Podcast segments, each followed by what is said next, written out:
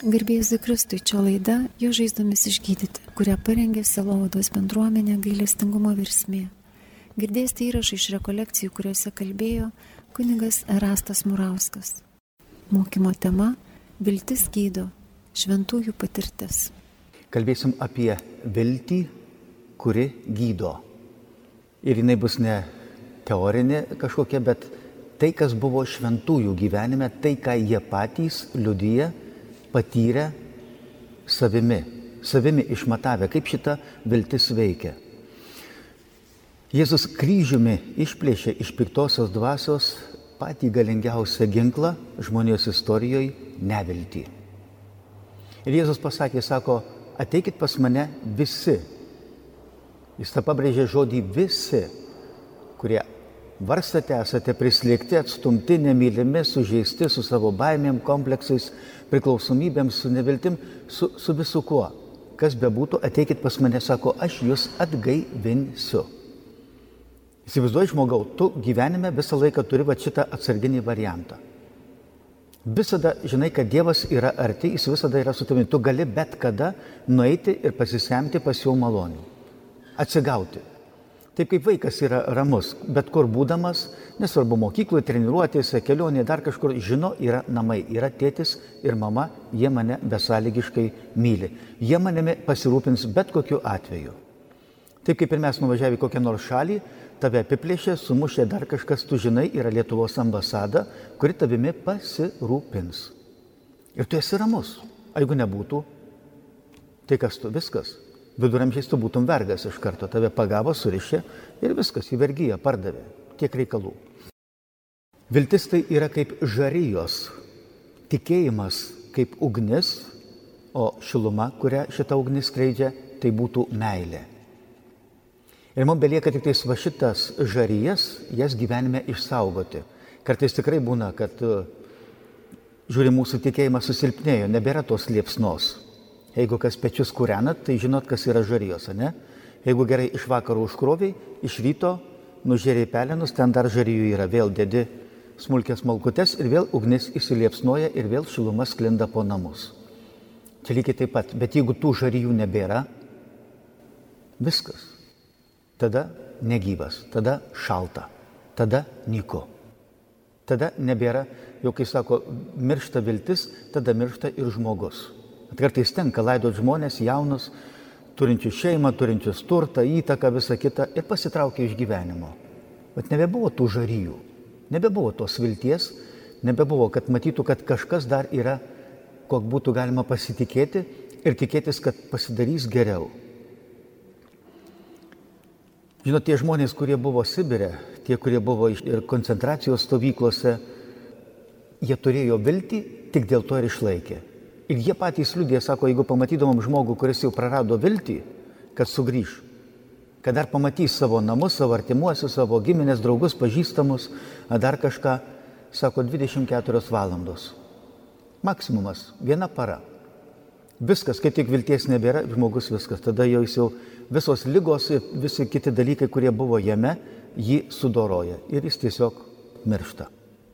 Miršta. Čia yra liudimas. Netgi vienas žydų profesorius, akademikas, patekęs į koncentracijos stovyklą, liudijo, sako, aš galvoju, kad mano intelektas man padės atlaikyti šitą visą siaubą.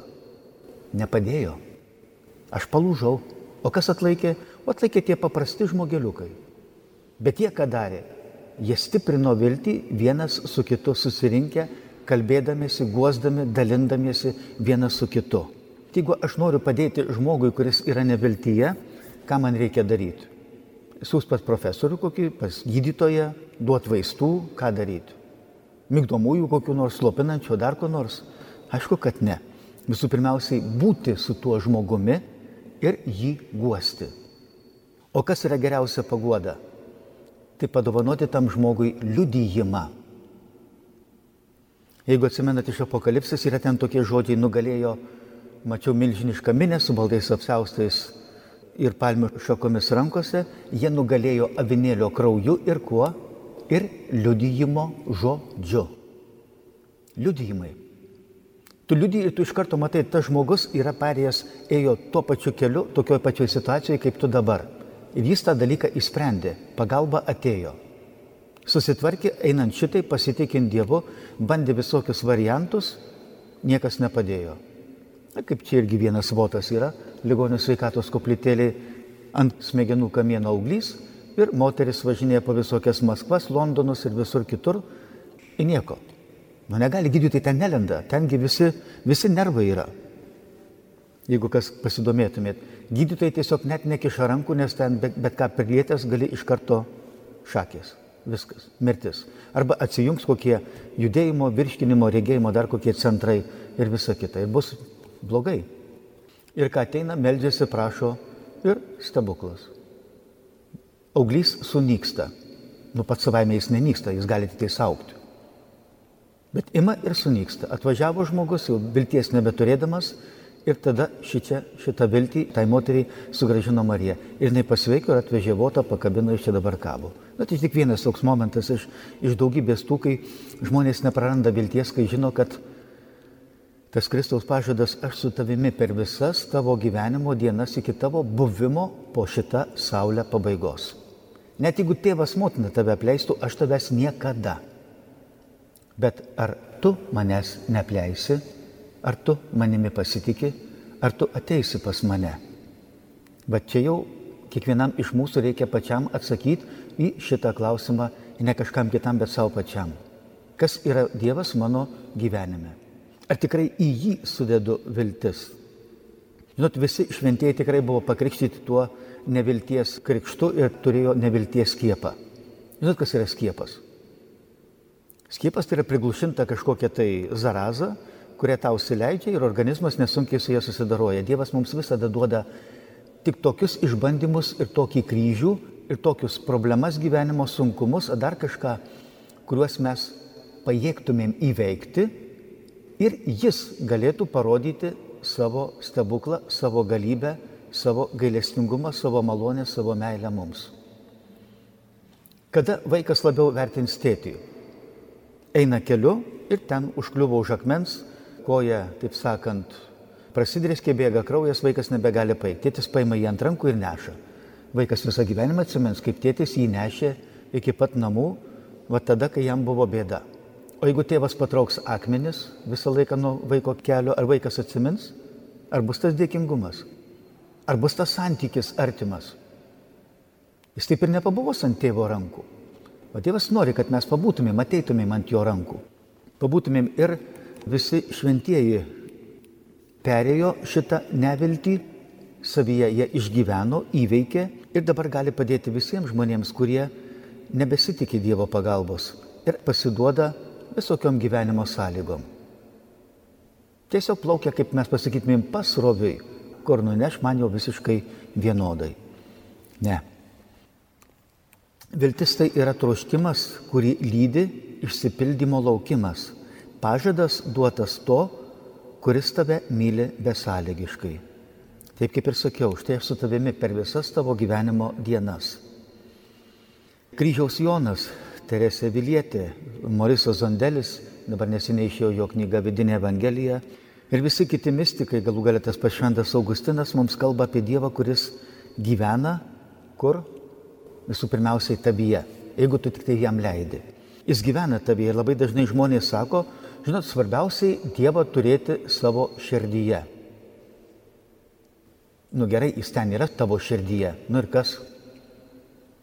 Jeigu jis ten uždarytas, tupi kalėjime ir aš sakau, Dieve, tu nesikišk į mano gyvenimą, aš savo, tu savo, tupi ten saugiai ir tupėk.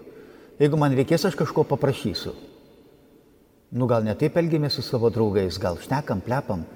Ir mano gal džiaugsmas yra ką padaryti. Draugą kažko nustebinti, pradžiuginti, padėti jam, pagelbėti, paguosti, sustiprinti, išklausyti. Dalinti su juo viskuo. Štai todėl Dievas gali, kaip jau sakiau, gali būti mūsų širdyje kalėjime arba galim tiesiog su juo taip ir nesusitikti visą gyvenimą. Jis ten yra.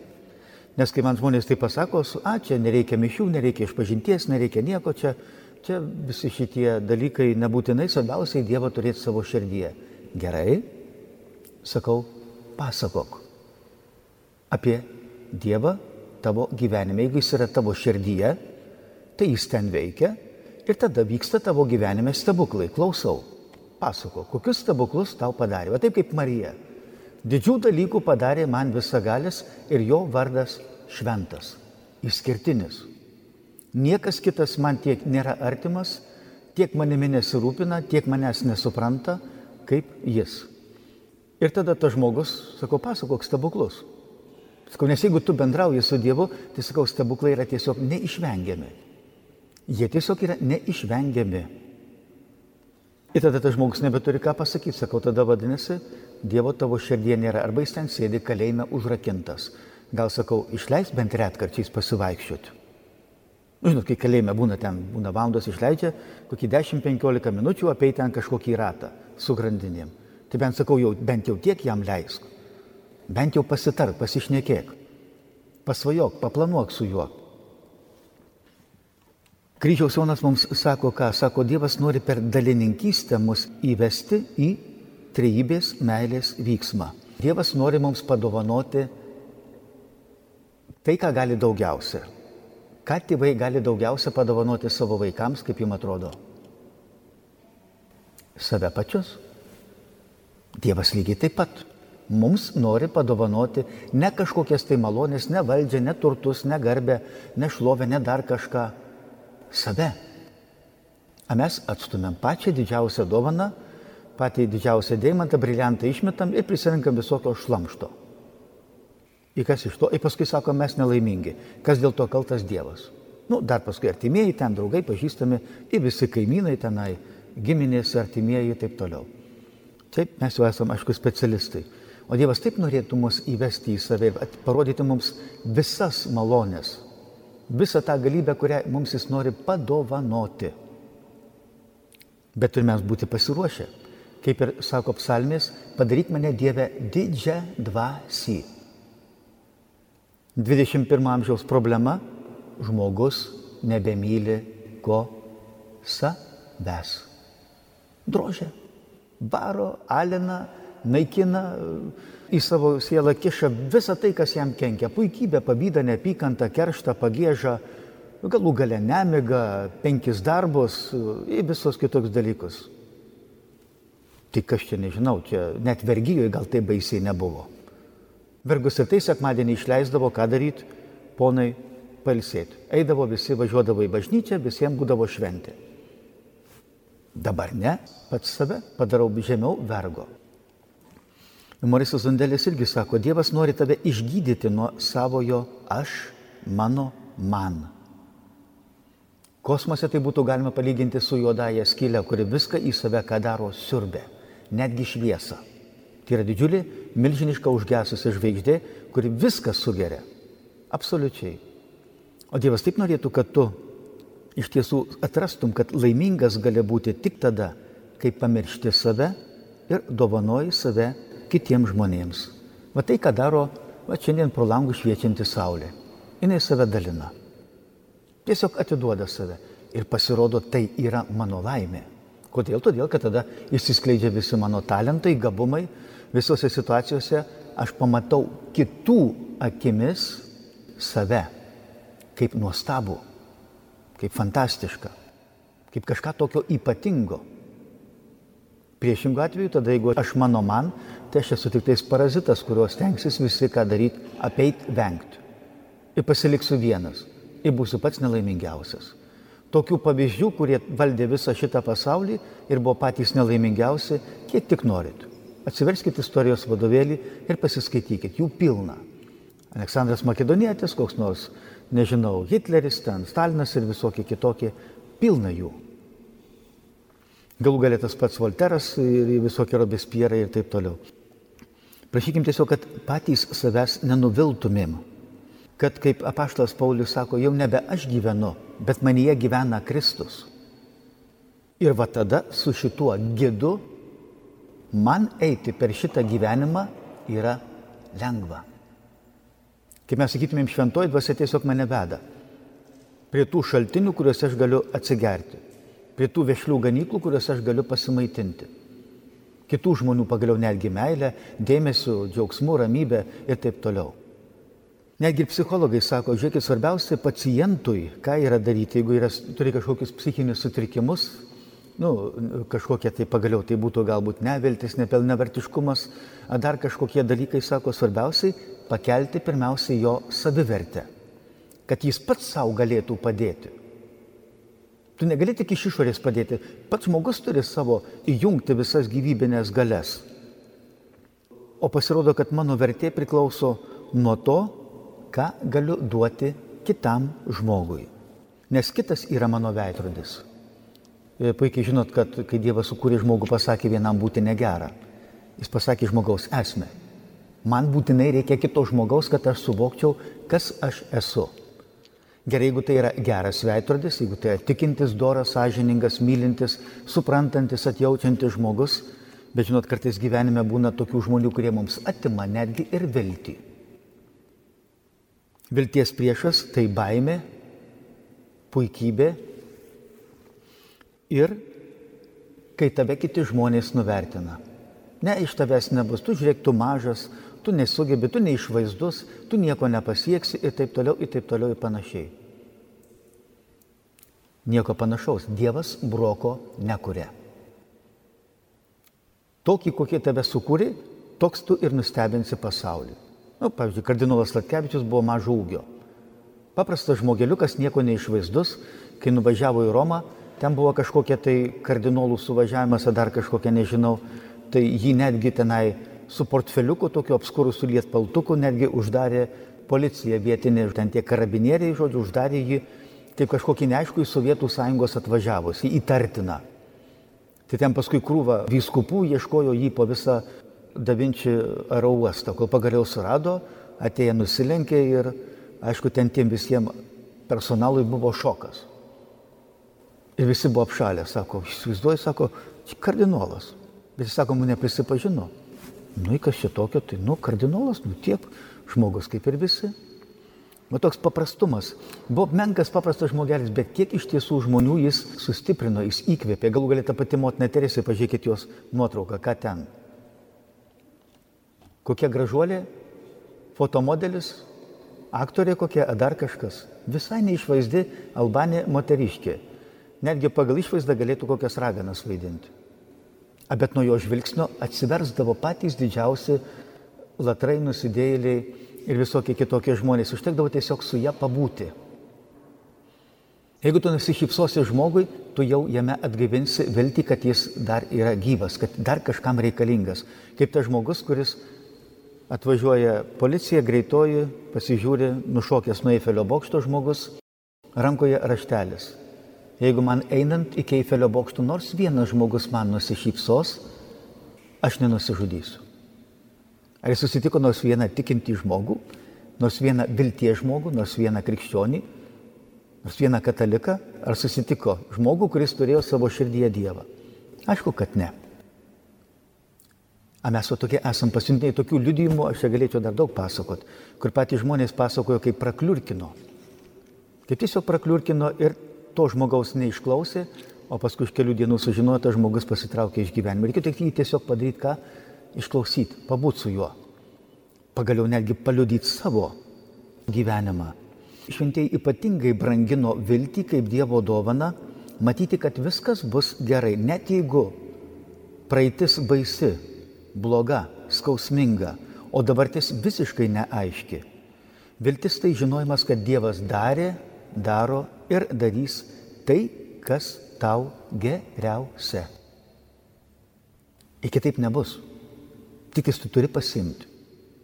Jeigu man ten viduje kažkas galvoj, inkstuose, kepenyse, raumenyse negerai, aš ką darau, kur einu pas savo gydytoją. Jis visus tuos dalykus išsprendžia.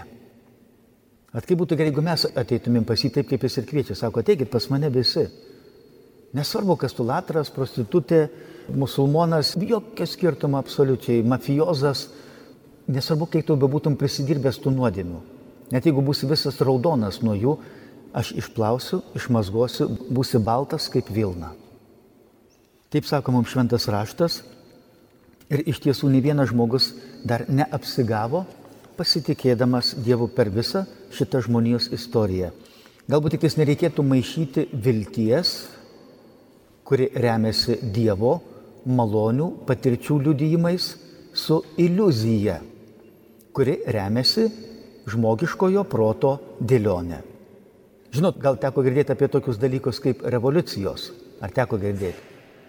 Jų žmonės istorijoje buvo sočiai. Ir ką padarė šviesesnį, gražesnį, nuostabesnį pasaulį?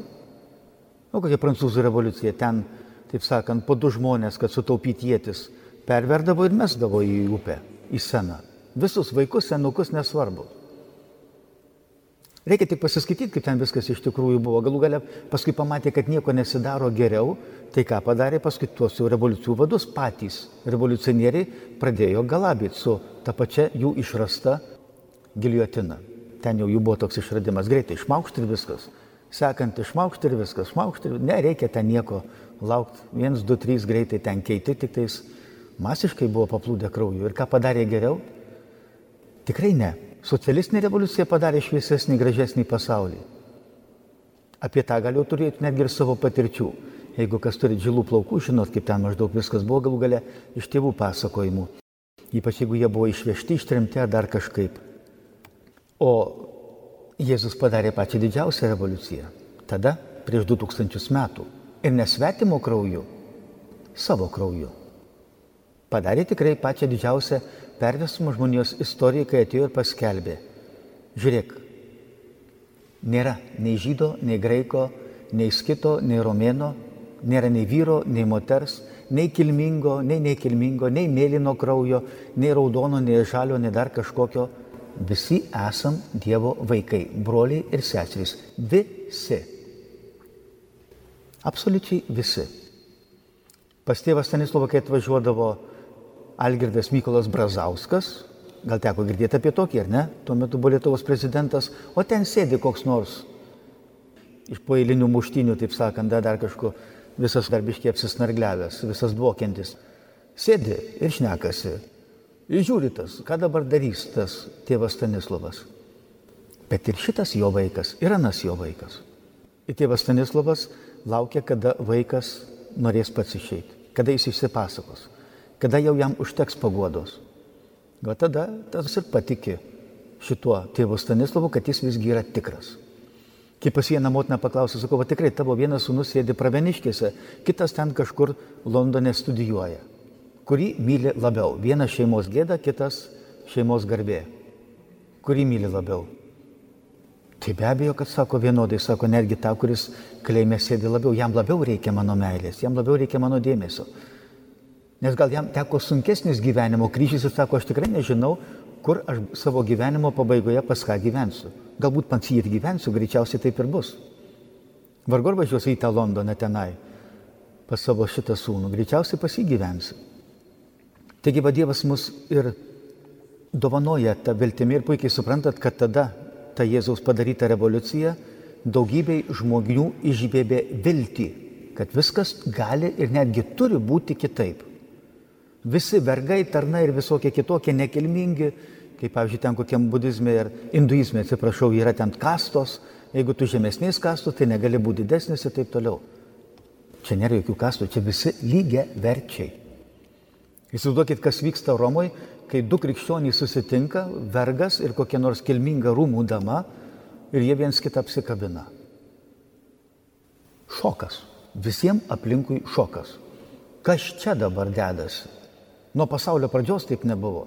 Vergas turi griūti ant žemės, jis negali skanuoti grožybių tos damos. Jos marvė negali pasiekti jos kilmingų šnervių ir taip toliau ir panašiai. Jis negali jos užkalbinti, atsiprašau.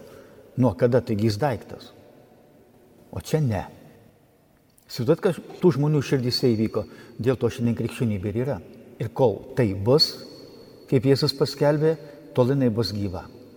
Ir jos tikrai jokie pragaros vartais, jokios, jokie izmai, nesvarbu komunizmas, fašizmas, genderizmas ar dar kažkas tikrai nenugalės. Bet ta viltis, kad Dievas yra su tavimi ir daro tai, kas geriausia tavo gyvenime. Šventieji irgi buvo bandomi ir perėjo visokias, bet jie niekada neprarado vilties. Jie visada sako, kaip tas Jobas, jeigu iš Dievo primam gerą, kodėl neturėtumėm priimti tai, kas bloga kaip čia sportininkas, jeigu iš publikos priimu plojimus ir visokias gėlės barstomas ant manęs, kodėl neturėčiau primti ir savo trenerio vertimo per šaltį, per lietų, per visur kitur, ką daryti?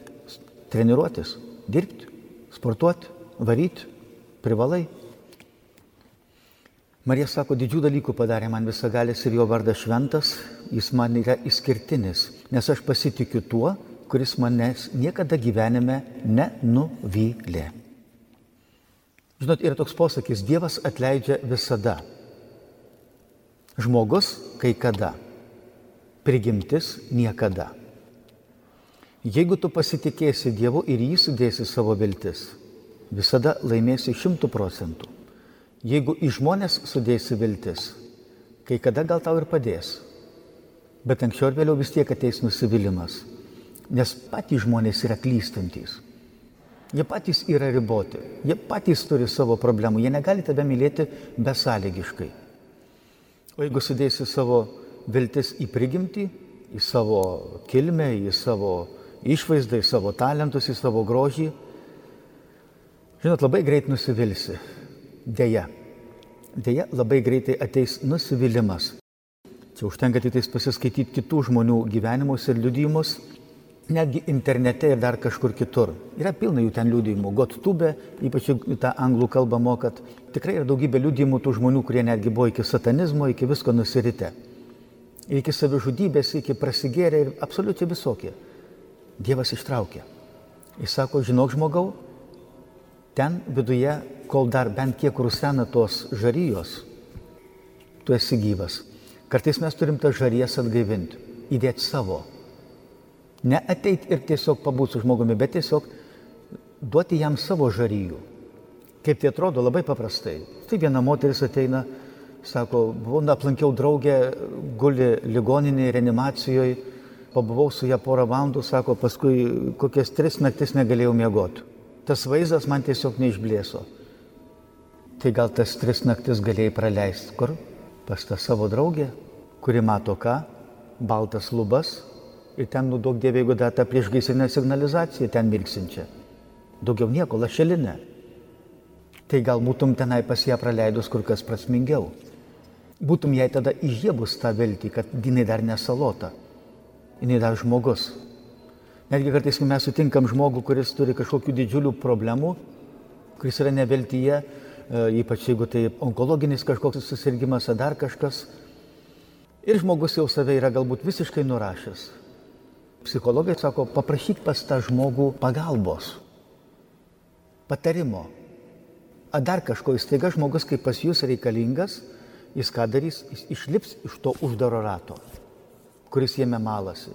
Nebėra vilties. Ir staiga jis išlipa iš jo, nes jam reikia duoti kažkokį sprendimą, patarti, pagelbėti tau. Pasakyti, kaip tau tam gyvenime pasielgti vienoje ar kitoje situacijoje. Ir tada žmogus atsigauna. Ar norėtum burtų lasdelės? Mhm. Kas šitoks norėtų? Ačiū šitą vienuolę norėtų burtų lasdelės. Nori būti vyresnėje, nori būti popiežiaus padėjėja, nori būti ten taramtatam, nori, kad visi būtų sveiki, mylimi, laimės visiems, džiaugsmo ir taip toliau ir panašiai. Nu, maždaug pasaulio pabaigos noriu, kad viskas čia pasibaigtų ir visi keliautų į dangų, jam žinybę. Nu gal dar ne turi pereiti mokyklą. Aš irgi mokinys, manau, norėtų, sakytų, noriu būti pirmokas jau 12 klasėje po egzaminų. Nebereikia. A ne? O kaip gerai. Bet tu tada nieko ir nepasimsi. Nu, tu turi užaukti.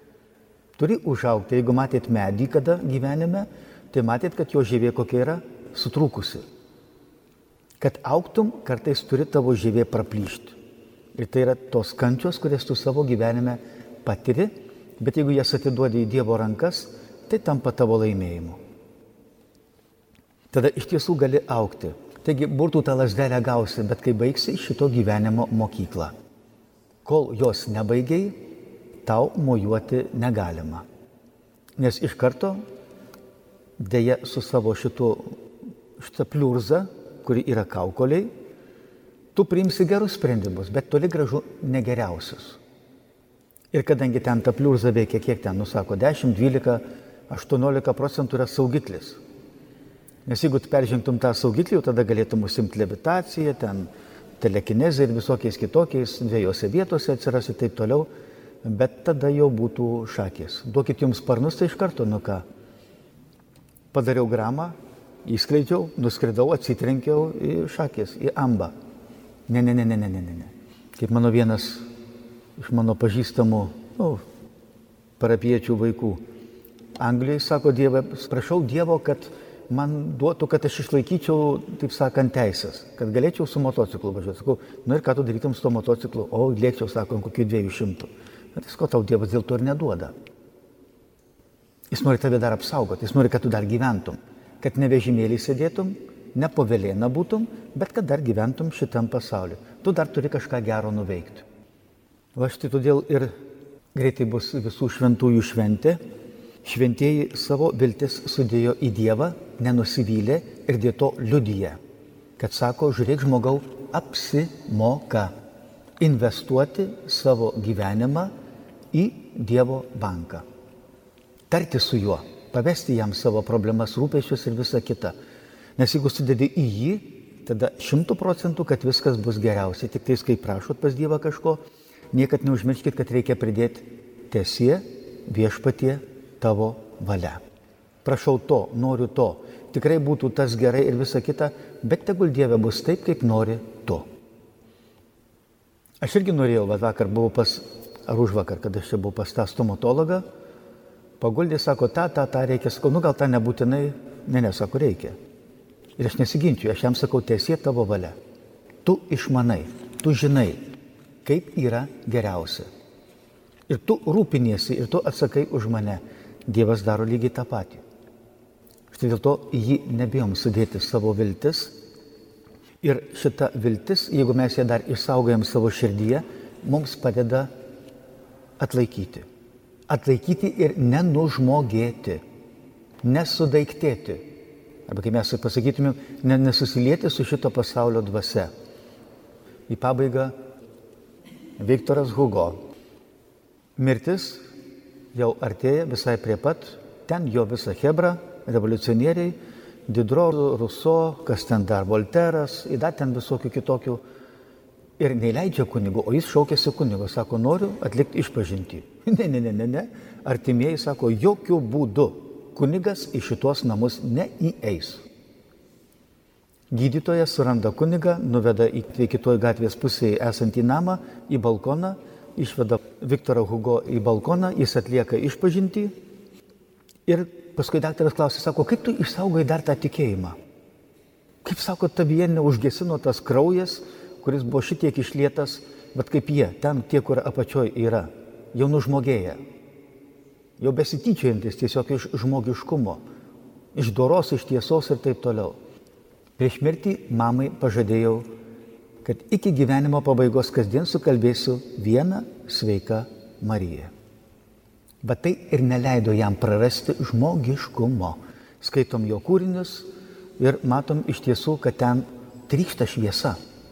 Ten to šviesos daug. Dievas taip norėtų, kad jos būtų kiekviename iš mūsų, kad mes eitumėm ir tiesiog šviestumėm kitiems žmonėms Kaip tiem jūrininkam, jeigu žvaigždės yra, jie gali susigaudyti. Tada yra viltis, kad tikrai dar sugrįž gyvi sveiki į uostą.